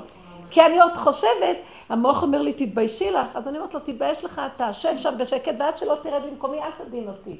במציאות אני לא יכולה, אם השם לא יעזור לי, אני לא יכולה. ואז אני מתחילה לצעוק להשם. ואז אני אומרת להשם, ריבונו שלם, אתה יודע למה ככה קרה לי? כי הסתרת פניך ממני. למה הסתרת פניך ממני? כי אני לא הולך איתך, כי הולך עם הגדלות שלי. טוב, אז אני אומרת לך, ריבונו שלם, אל תסתר פניך ממני, כי אני אהיה עם יורדי בור. תרחם עליי. אז אני אומרת לו, עכשיו, פעם הבאה עוד פעם, לא הלך לי, ועוד פעם יצאתי. אמרת לו, אה, לא ריחמת עליי, זה מה שתחטוף. אני אומרת לו, זה מה שתקבל בעולם שלך, אדם משוגע. זה מה שאתה רוצה בעולם. מה יצא לך מהמשוגע? אותך תרגיל עמיתך? שימו לב איזה תפילות. לא נגעתי באיש הזה. שגרם את הכל, אלא כי הוא לא העסק שלי, אני רק מפתחת את הנקודה איך לדבר עם הקדוש ברוך הוא ולהגיד לו, ריבונו שלום. אחרי כמה זמן אני אומרת לו, עוד פעם קורה לי ואני נופלת, בוא נגיד סיטואציות כאלה, ואני אומרת לו, ריבונו של עולם, אה, אתה אפילו לא יכול לגאול אותנו, אתה אין לך כוח. אני מתחילה להתגרות בו. אומרת לו, אם אין לך כוח, איה נפלאותיך וחסדיך. קום מהשם, למה תישן? אז אני מתחילה להגיד לו, מה, אתה ישן? אז הוא אומר לי, כן, אני ישן, והמפתחות ביד שלך לעורר אותי. איך? על ידי הדיבורים. תדברי, תדברי. אמרתי לכם בשבוע שעבר, תגידי לי, אפילו תכעסי עליי. אפילו תגידי דברים. כי את לא כועסת עליי, את כועסת על הנפש, הכל זה תסכולים של האדם עם עצמו. הדיבור של האדם זה החיות של השכינה ששוכנת בתוכו. זה היא מדברת עם עצמה, את חושבת שזה התנ"ך, לא מציאות בכלל. אז תגידי הכל, היא שומעת, היא מקבלת והיא אוהבת אותך. ואחר כך דוד המלך אומר, כן, אני אעלה לך איזה קורבן על כי דיבר פי בצר לי, בסדר, תסלח לי, כן. השם אומר לו, אין דבר, זה אני דיברתי מהפה שלך, בכל אופן, תשים קורבן. זה הכל בורא עולם עם מציאותו. מה יוצא בסוף? אני רואה שהדיבור הזה, אמרה לי איזה מישהי, אולי אמרתי לכם את זה בשיעור הקודם, שהיא הייתה אה, חולה, לא יודעת, היה לה איזה עיבוד דם מאוד גדול, אולי לידה או לא יודעת מה. סיפרתי לכם את זה? לא. אז היא איבדה כל כך הרבה דם, מהר הזמינו אמבולנס, עד שהאמבולנס הגיע, היא אומרת, היא כבר הייתה בעילפון. מה שהיא זוכרת רק, שזה הפרמדיק הזה שהכניס אותה לתוך האמבולנס, רק אמר לה, תדברי איתי, תדברי. מה שלא תגידי, תדברי שטויות, רק תדברי, אסור לך להתעלף. והוא דיבר איתה שטויות, והוא ניסה לדובב אותה רק שהיא לא תתעלף עד שהם יגיעו לאן שהם צריכים להגיע. אז לרגע חשבתי, השכינה נמצאת בכזה איכות, שהיא אומרת, עילפון, רק תדברו איתי, תתקיפו אותי, תכעסו עליי. מי זה השכינה שבעילפון? את, עם עצמך. ההכרה שלנו מאוד בכלל, אנחנו אה, המומים, אם אין קצת את הדעת הזאת, אנחנו בכלל לא בקשר נפש עם עצמנו. אז תדברו, תגידו, תריבו, תעליבו, ת... הכל, ואחר כך תגידו עוד פעם מילים הפוכות, הכל. וזה להקים שכינה, ככה מקימים את השכינה. האדם רב עם תסכוליו, עם מציאותו, הוא מעורר ככה את השכינה שבתוכו. תגידו הכל. זה ככה מתחצפת להשם. ברור שיש הקדוש ברוך הוא רם ונישא והוא שוכן בעליונים וגם בתחתונים והכל. הוא שם חלק שנמצא בשמיים ממעל, לא, יש את השם בשמיים ממעל, בשמיים, ממעל לשמיים, ובארץ, מתחת לארץ. אני מדברת עם החלק של מתחת לארץ, כזה דיבור תת רמה. אני מדברת עם החלק הזה. אמרתי לו, אם אתה לא תעזור לי, אז מי יכול לעזור לי? אם אתה לא, אז אם כן, אה, אין לי מי שיעזור לי, כי אם אתה בגלות כזאת ולא יכול לעזור, אתה יושן, אז מי יעזור לי? אז הוא אומר לי, תמשיכי לדבר איתי, זה מעורר אותי, זה מחיה אותי, אז אני אעזור לך. את מדברת עם נפשך, ואת עוזרת לעצמך. זה הכוח שנמצא בתוך האדם, השכינה שוכן איתה בתוך תומתם שכבר נמצא כאילו תצעקו, תדברו, תשתוללו, תגידו עם עצמכם, ותדעו שזה מקים את השכינה. הדיבור הזה מאוד מאוד יקר בעיני השם. תסתכלו את דוד המלך לאורך כל התהילים. איזה דיבורים. הוא מקלל, הוא מה לא, הוא משתולל, והכל כתוב בתהילים, לדורות. את זה תגידו, הוא אומר. תגידו פרקי תהילים, מה אתה אומר? שאשתו תהיה אלמנה ובניו יתומים. אני לא יכולה להגיד את הפרק הזה, חברתי כל כך יפה, הגיעו לך מקומות שאת תצטרכי להגיד את זה. תדברי ואל תתביישי, כי במדרגת הנפש את ובורא עולם, הוא מקבל הכל, הוא אוהב הכל, תגידי. אה? זה נקרא גאולה. קודם כל, את נגאלת באותו רגע, נרגעת ואת נכנסת למקום. ככל שתדברי, ובאמת תהיי עם הנפש שלך בדיבורים הכי אמיתיים, מה שבא לך במחשבה להגיד, תגידי. עצבנות, כעס, התחת דברים, הכל בינך לבין עצמך. אחרי, לא לשני, לא לשני, לא לשני, לא להזיק לשני, זה את עם עצמך. ככל שאת אומרת, את מתחילה לקבל כוח, הלב שלך נרגע, את נהיית בשמחה ובפשטות. לאט לאט, מפעם לפעם לפעם, את מרגישה שיש איזו חומה של עמוד השדרה שלך מתחיל להתייצב, ואת מקבלת חיות וכוח נפשי. וזה השכינה שמתחילה לקום בתוכך. לאט לאט את כבר מתחילה להתאפק לשני ואת לא עונה לו. לאט לאט את אומרת, תשתקי, הלוא במילא זה לא, תדברי עם השם. את לא מבינה, השם צילך על יד ימינך, את עושה ככה, הוא עושה לך בהנהגה כזאת גם. תתעקשו לדבר ולפרוס את כל שיחתכם, לא חשוב איזה שיחה שתהיה. אבל אחרי שצעקתי ודיברתי לו יפה וקיללתי וזה... את השני. כן, אז אני נענשת על זה? באותו רגע, באותו רגע, נניח אמרת הכל, באותו רגע שאת לוקחת את כל הדיבור שאמרת ואת עושה מזה עבודה להשם, זה המיתוק שנהיה מזה, הבנת? אפילו שאמרת לשני, אבל באותו רגע שראית איך נפלת, ותגידי איך, איך לא, כי אני בהפקרות. אז ריבונו שלם תעזור לי שאני לא אהיה בהפקרות. ואז אני מנסה, ואחר כך אני רואה עוד פעם אני נופלת, אז אני מתחילה להגיד לו, למה אני, אני מתפללת ואני לא נענית? אז עוד פעם, צריך סבלנות לדרך הזאת, עד שאנחנו מתחילים לראות איך שהוא מחזר אחרינו לדבר. הוא מביא לנו מצבים כדי שאני אדבר אליו. מבינה? אבל יש תוקף למה שאמרתי? שמעת מה שאמרתי לך? כן, צריך לאסוף את כל הדיבורים, אבל כאילו כבר יצא. ויצא והחזרת. אה, אוקיי. אם לפני, אם אחרי, אם את איתי, אני השם לא שניתי, אני איתך. אל תתייאשו אף פעם. אז אחרי הנפילה. פרי הארץ, יש לו איזה ציור כזה באחד הפרשיות, שאם אדם רצח והסכין עוד נוטף דם, זה משהו נורא איך שהוא מתאר את זה שם. ובאותו רגע הוא מכיר את הפגם שלו ואת האין אונים של כלומיותו. באמת, באמת, באמת. יש קונה עולמו, יש קונה עולמו ברגע אחד, והוא לא נשבר, כי גם זו עבודה בפני עצמה. זה ציור כזה, כי אין כזה כמעט מצב. והוא צועק להשם, אומר לו, ריבונו שלם, זה המציאות. והוא חי באמת באמת לגמרי, בלי התחת, לא, הכוונה, בלי טרוניה על עצמו, לא על אף אחד, הוא רואה את המציאות שככה, הכל נמחה לו באותו רגע. זה קשה להגיד את זה, זה צריך להבין את העומק של הדיבור. פרי הארץ מדבר על הנקודה של איך להחזיר את הכל, הכל, הכל, הכל, הכל, היסוד האלוקי העליון של האינסוף. יסוד העין. יסוד העין. להחזיר את הכל ליסוד העין, ולא לתת לדעת שעושה יש כל כך חזק. שהיא לא נותנת לנו להיכנס לגאולה האמיתית. אז אם החזרתי הכל ודיברתי עם השם, אמרתי, הנה יכולה לתת נשמת אור. יפה, יפה. וידוי דברים, וידוי דברים. בסדר, בסדר. מה לגבי אני מול השני? את לא דואגת יותר, תמחקי את המוח כאילו לא קרה. תמחקי, את יודעת מה? תהיי קרה כמו קור של, סליחה, עמלק. יש בתוכנו את כל, יש לנו את כל החזיתות, ודעו לכם שהעבודה הזאת שלקראת הסוף, בייחוד שיורדים לקליפות הנמוכות למטה, צריכה חוזק הלב מאוד גדול. היא צריכה את מידת האכזריות שלא תהיה מופנית לבני אדם, אלא כלפי אותם כוחות שמחלישים את האדם ומשברים אותו, לייאש אותו, להרפות את המהלך הזה. לא עד הסוף, לא אמות כי אחיה, כי אני איתך. אפילו בדבר הכי גרוע. הוא היה בשאול תחתיות, דוד המלך. הוא אמר, אני לא אירא רק כי אתה עמדי. מה זה אני לא אראה רע? מהביקורת שלי, מהמחשבות השליליות, מהאיסורי מצפון שלי, מהכאבים שלי, ממי שהשני ידון אותי ויקטרג עליי.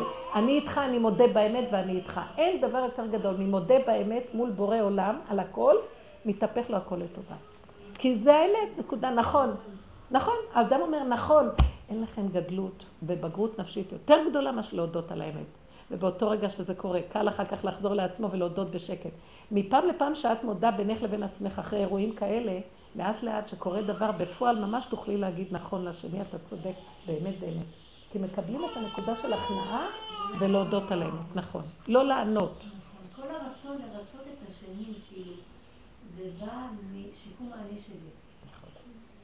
זה לא בגלל, אני רוצה עכשיו לשקם את התדמית שלי, ואיך אמרתי, איך נפלתי, חסיתי את הדברים האלה. זה בא מהדעת, שמלכות הדעת זה האני.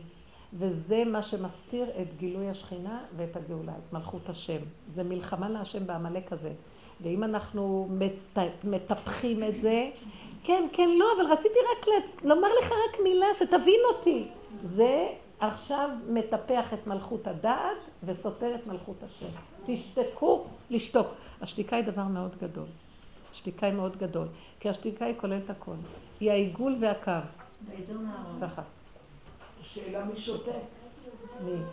מי שותק? אם יש אפשרות כזאת לשתוק. גם אם נפלת ודיברת, במחשבה הייתי עם השם, או אחרי, זה נקרא שתיקה. החיבור להשם זה נקרא שתיקה.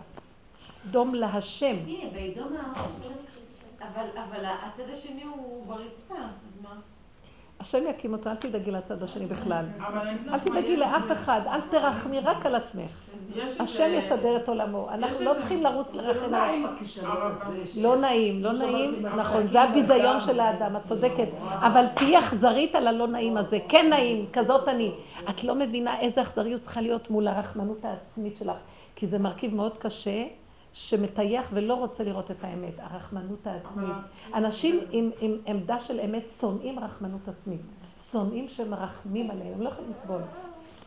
הילד האספרגר הזה, היא סיפרה לי, התכונה הכי בולטת אצלו, שהוא לא יכול לסבול שמישהו ירחם עליו, שקורה לו משהו. ילד, ילד אחד שאני מדברת עליו הרבה, שיש לו את הנטייה הזאת. הוא כל כך אמיתי וישר מהנקודה שלו, שגם אם קורה לו משהו ומישהו מרחם עליו, הוא לא יכול לסבול את זה. כאילו, מה אתה מרחם עליי? זה כאילו, אל תכניס אותי בנקודה שעכשיו אני אזוז מהאמת שלי. זה מציאותי. בהשלמה לגמרי עם מציאותו. זה מדרגה יפה. אבל כאילו לפעמים יש נטייה להשתמש בדרך הזאת של להגיד אה, נפלתי ויצאתי על השני ואני, ואז מין תירוץ, מין כיסוי של ההפקרות להגיד. אה הנה טוב אה, אבא יצאתי עליו אה, סליחה וזה אני אז אדם אתה." צריך לצעוק, לבקש להשם את הרחמים. זה גם כיסוי של ההפקרות. נו, מה. דעתך? אנחנו מדברים על המהלך הזה? מה? אנחנו מדברים שיש כזה מהלך, אז עוד פעם תבררי עם עצמך, ועוד פעם תתוודי, תראה, תראה איך אני אומרת, נו, מה אני אעשה, זה ככה, ואני חוזרת להפקרות שלי, אז תרחם עליי. זה כל הזמן לדבר עם השם על כל רגע ורגע בתוך המהלכים האלה. כל המדרגות שאנחנו עוברים במקום הזה של מתרחקים מן האמת ומכסים אותה בהצדקות ותירוצים, זה המקום שאנחנו צריכים כל הזמן, ברגע שמגלים אותו, לדבר עם השם.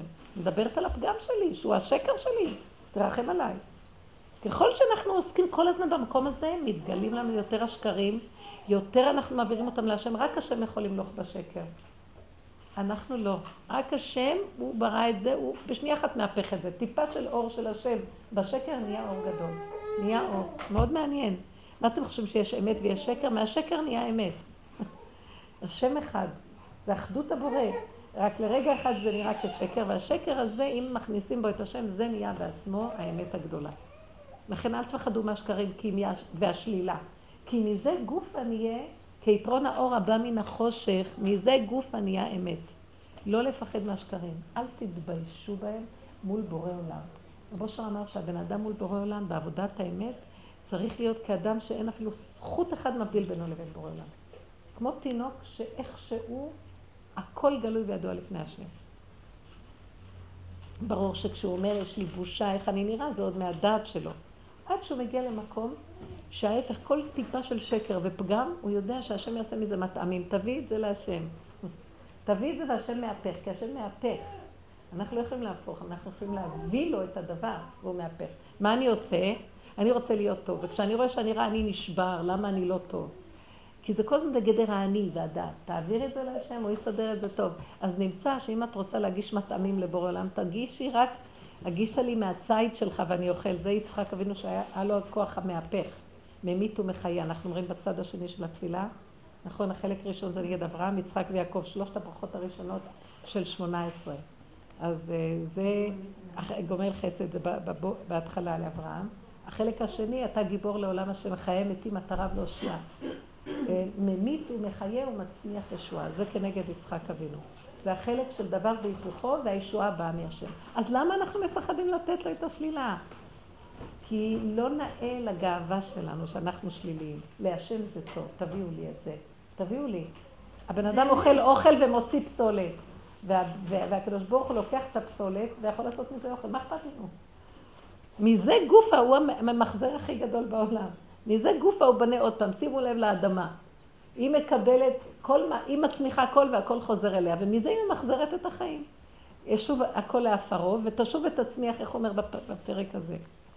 אה, שישוב ויצמיח מחדש. איך הפרק הזה? ישמח השם במעשיו. אשר, אשיר על השם בחיי, זמרה לאלוקיי בעודי, רב עליו שיחם. סוף הפרק. אה, נו, ברכי נפשי את השם. כן, תצא רוחו ישוב לאדמתו, אז מה, השם מחדש את פני, חדש פני האדמה. השם מחדש, הוא נכנס לאדמה והשם מחדש את הכל וצומח. מתוך הדבר עצמו גופה.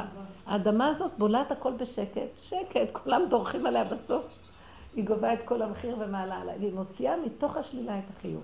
וזה שכינה, זה הכוח של השכינה, כוח האדמה. השם יזכה לנו. אז עבודתנו לא להישבר ולהמשיך ולעבוד בפנים. והמקרים האלה של להניח מישהו מרגיז אותי, זה סיבה לעורר את כל העבודה. הלוואי ובאמת אני לא אאבד את זה בהחצנה, אבל גם זה קורה לי שאני נופל, כן. אז ברגע שנפלתי, אל תסתכלי על הבני אדם ועל הבושה ועל הקלקולים, מיד תקחי ותעבדי, חבל לבזבז זמן. חבל לבזבז זמן, הבן אדם צריך להיות ערני. אנחנו אנשים צריכות להיות דרוכות וערניות. כמו אשת חיל, תראו איך היא דרוכה וערנית. שמתם לב, זו אחת התכונות של מאפיינים. היא מתקתקת, היא לא מאבדת זמן על שטויות. טיק, טיק, טיק, טיק, טיק, מפה לשם, לשם. היא מאוד. מרוכזת ומצומצמת, והיא, והיא, והיא, והיא נוגעת בנקודה, ומשם כל הברכה שופעת. אז רגע נופלים, אז מה? מיד מחזירים את זה וחוזרים הלאה, לא קרה כלום. כן. יש לו משהו.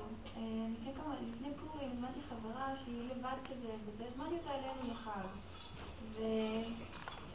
ובשישי אה, שבת שלפני פורים אשפזו אותה בבית רפואה, היה לה דלקת מאוד חזקה בגרון, הייתה מאוד חולה. ובקיצור, אמרתי שם, בכל זאת משחררים אותך, אז תעשי איתנו את החג, לא הספיקה לקרוא וזה, וכשהיא באה, פשוט התחלתי לראות שאני כל כך מלאה בפחדים, ופשוט כל אחד עבר עליי בדאגות, אם הביאה איתה איזה משהו משם, ופשוט דאגות מטורפות, ולא אמרתי לה כלום, כמובן, אבל בתוכי הייתי פשוט בכזאתי... סערה, לא הספקתי ליהנות מהחג, לא פורים, לא שמחה, לא כלום, רק דאגתי, ולא לא אמרתי לה שום דבר, הייתי במרתון לעשות את כל מה שצריך לעשות, פשוט עבר עליי כאילו, יאללה שיעבור כבר, שזה כאילו, פשוט ככה. כן, את הזמנת אותה, אה, את בעלת החסד.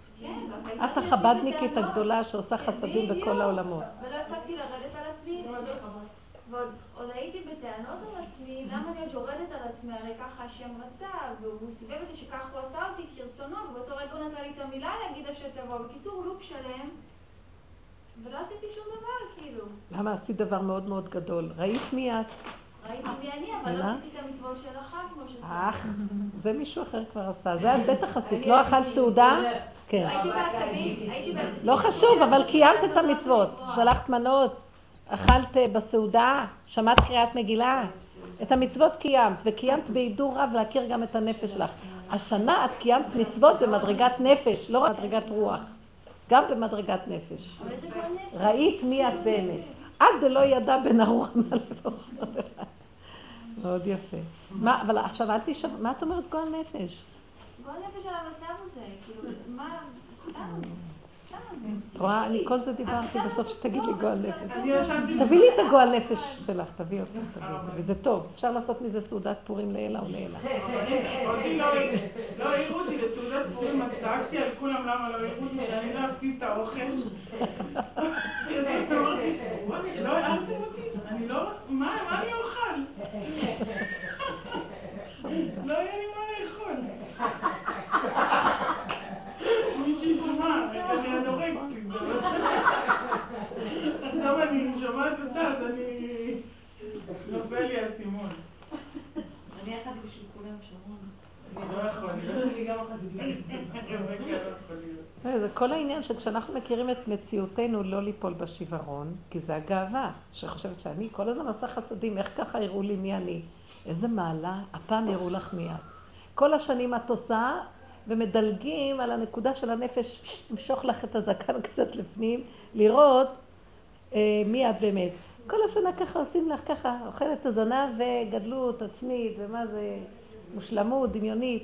השנה אמרו, נרחם עליה, סוף סוף היא באמת באה לשיעורים, אה, נשמע. קחו לך קצת, ראו לך מיד. עכשיו, אל תישברי. זה עכשיו התחלת העבודה, כי אם אנחנו לא רואים מי אנחנו, איך נעבוד? במדרגת הנפש. כן? הגאולה תהיה במד... עד שאנחנו ניכנס למקום של הנפש ונעביר את הכל לשם. שם נמצאת השכינה בגלות וצריכים להקים אותה משם. אם אנחנו מוכנים לעבור דרך המהלך הזה בלי להישבר, היא קמה. אם אנחנו נשברים, הפסדנו. אם אנחנו בורחים לדעת, נשארים בדמיון החיובי של עצמנו, היא בגלות, בכאבים, בייסורים. זה מציאות של גלעד שליט שם בתוך השבי. אנחנו עושים את העבודה להקים את המקום הזה, להעלות את זה לבורא עולם. הנפש שלנו שבויה, אנחנו שבויים בתוך קליפה. זה, זה המקום ש, ש, שנמצא באיזה דיכאון של איזה מחשכים ש, שצריך לדלות אותו משם. זה הנפש של כל אדם ואדם נמצאת במקום הזה. בגלל שאנחנו לא עובדים, אז בסוף דולים אחד כזה, או כמה כאלה שנמצאים בבתי כלא יהודים, מי יודע מאיזה בתי כלא של גויים. יש כאלה שלא יודעים עליהם אפילו, והם נמקים שם, וזה שבי, זה ככה נמצאת השכינה. היא בעילפון, היא בעילפון. את יודעת, כל הנפילה שלה גם בפורים, של הזה שלה, כיוון שאם הכל היה עובר בשלום, והיא הייתה מרגישה שעשתה חסד וערכה אותה, הסכנה יותר גדולה. תראו איזה יופי, ואנחנו לא קוראים נכון את המפה. כל שלילה שקורית לנו, באמת זה נכון, אף אחד לא מחפש ניסיונות. אבל הקצת הזה, אם היינו מתעוררים ואומרים, טוב, טוב, תודה רבה, ריבונו של עולם, אתה מראה לי איזה נקודה, זה מדרגה טובה. הוא מראה לך את עצמך, ואז יש לך קשר, סיבה לקשר איתו. במקום זה אנחנו רוצים שנשאר בהרדמה. אם אנחנו לא נפתח את הנקודה הזאת ונרד למטה, איך נקים את השכינה? בלי השכינה אין גאולה. יהיה גאולה, הקדוש ברוך הוא ירד עם אורות, אבל אין לנו אימא, אין לנו מלמד זכות שיעזור לנו לספוג את האורות הגדולים של הגאולה, שאם אין לנו כלים, זה ייפול עלינו כמו ברד ומטחים של חרדות ואני לא יודעת מה. כי זה אורות מאוד גדולים שרק השכינה שעוטפת אותנו נוכל לעמוד במקום הזה של גילוי, גילוי הגאולה. זה מאוד קשה, כי הגאולה מתאימה לאנשים שבדין עבדו ויש להם, צדיקים גדולים מאוד, אבל אנחנו קטנים וחלשים ואם השכינה לא תחזיק אותנו כמו האימא עם הבנים שלה, אז אנחנו לא יכולים. היא, היא עלינו והיא משכחת חרון אף וחימה. אז אנחנו צריכים להקים אותה ואין מה לעשות. זה מה שנותן לנו את הרחמים ויכול להעמיד אותנו בתהליכים של הגאולה. אנחנו מרגישים איך שהעולם סוער. האדמה רועדת, אה, העולם היום סוער ובוער. ויש כאילו תחושה של האירועים מתרחשים. ואם אנחנו לא נאמץ את הפסיכולוגיה הנכונה, מה זה פסיכולוגיה? מלשון נפש, מדרגת הנפש הנכונה בהתנהגות בינינו לבין עצמנו ולקשור את עצמנו עם השם יתברך דרך כל האירועים שעוברים עלינו, אנחנו בסכנה של מידת הדין גדולה שהשם ישמור ויציל. עדיף לנו המידת דין הקטנה שבאה לנו כדי להתעורר, להיות קשורים איתה, מה שלדחות אותה לברוח לאיזה דמיונות של סיפוקים וריגושים, ואחר כך שבא הדין הגדול, אף אחד לא יכול לעמוד בו, אין לו כלים. אתם מבינים? זה מאוד מאוד חשוב שנקבל באהבה את הדברים שבאים, ונעבוד איתם נכון. נכון שבאותו רגע יש לנו כל כך באינסטינקט רצון לחיוביות ולשלמות ולתענוג המיידי, ולא יכולים לסבול שום דבר שלילי שסותר את הדעת, אבל אם אנחנו נפתח את הכוח שמוכן לעמוד שם רגע, ולא להישבר, וכן להגיד את האמת, נכון, נכון, וזה התאמנות גרדה, צריך פשוט להתאמן, אז אנחנו בונים לעצמנו כלים שנוכל, זה סוכת אורו של לוויתן, שנוכל להיכנס בה מפני הזעם של הגאולה, שלא יהיה בעזרת השם, הכל יהיה ברחמים גדולים. תודה רבה לכם.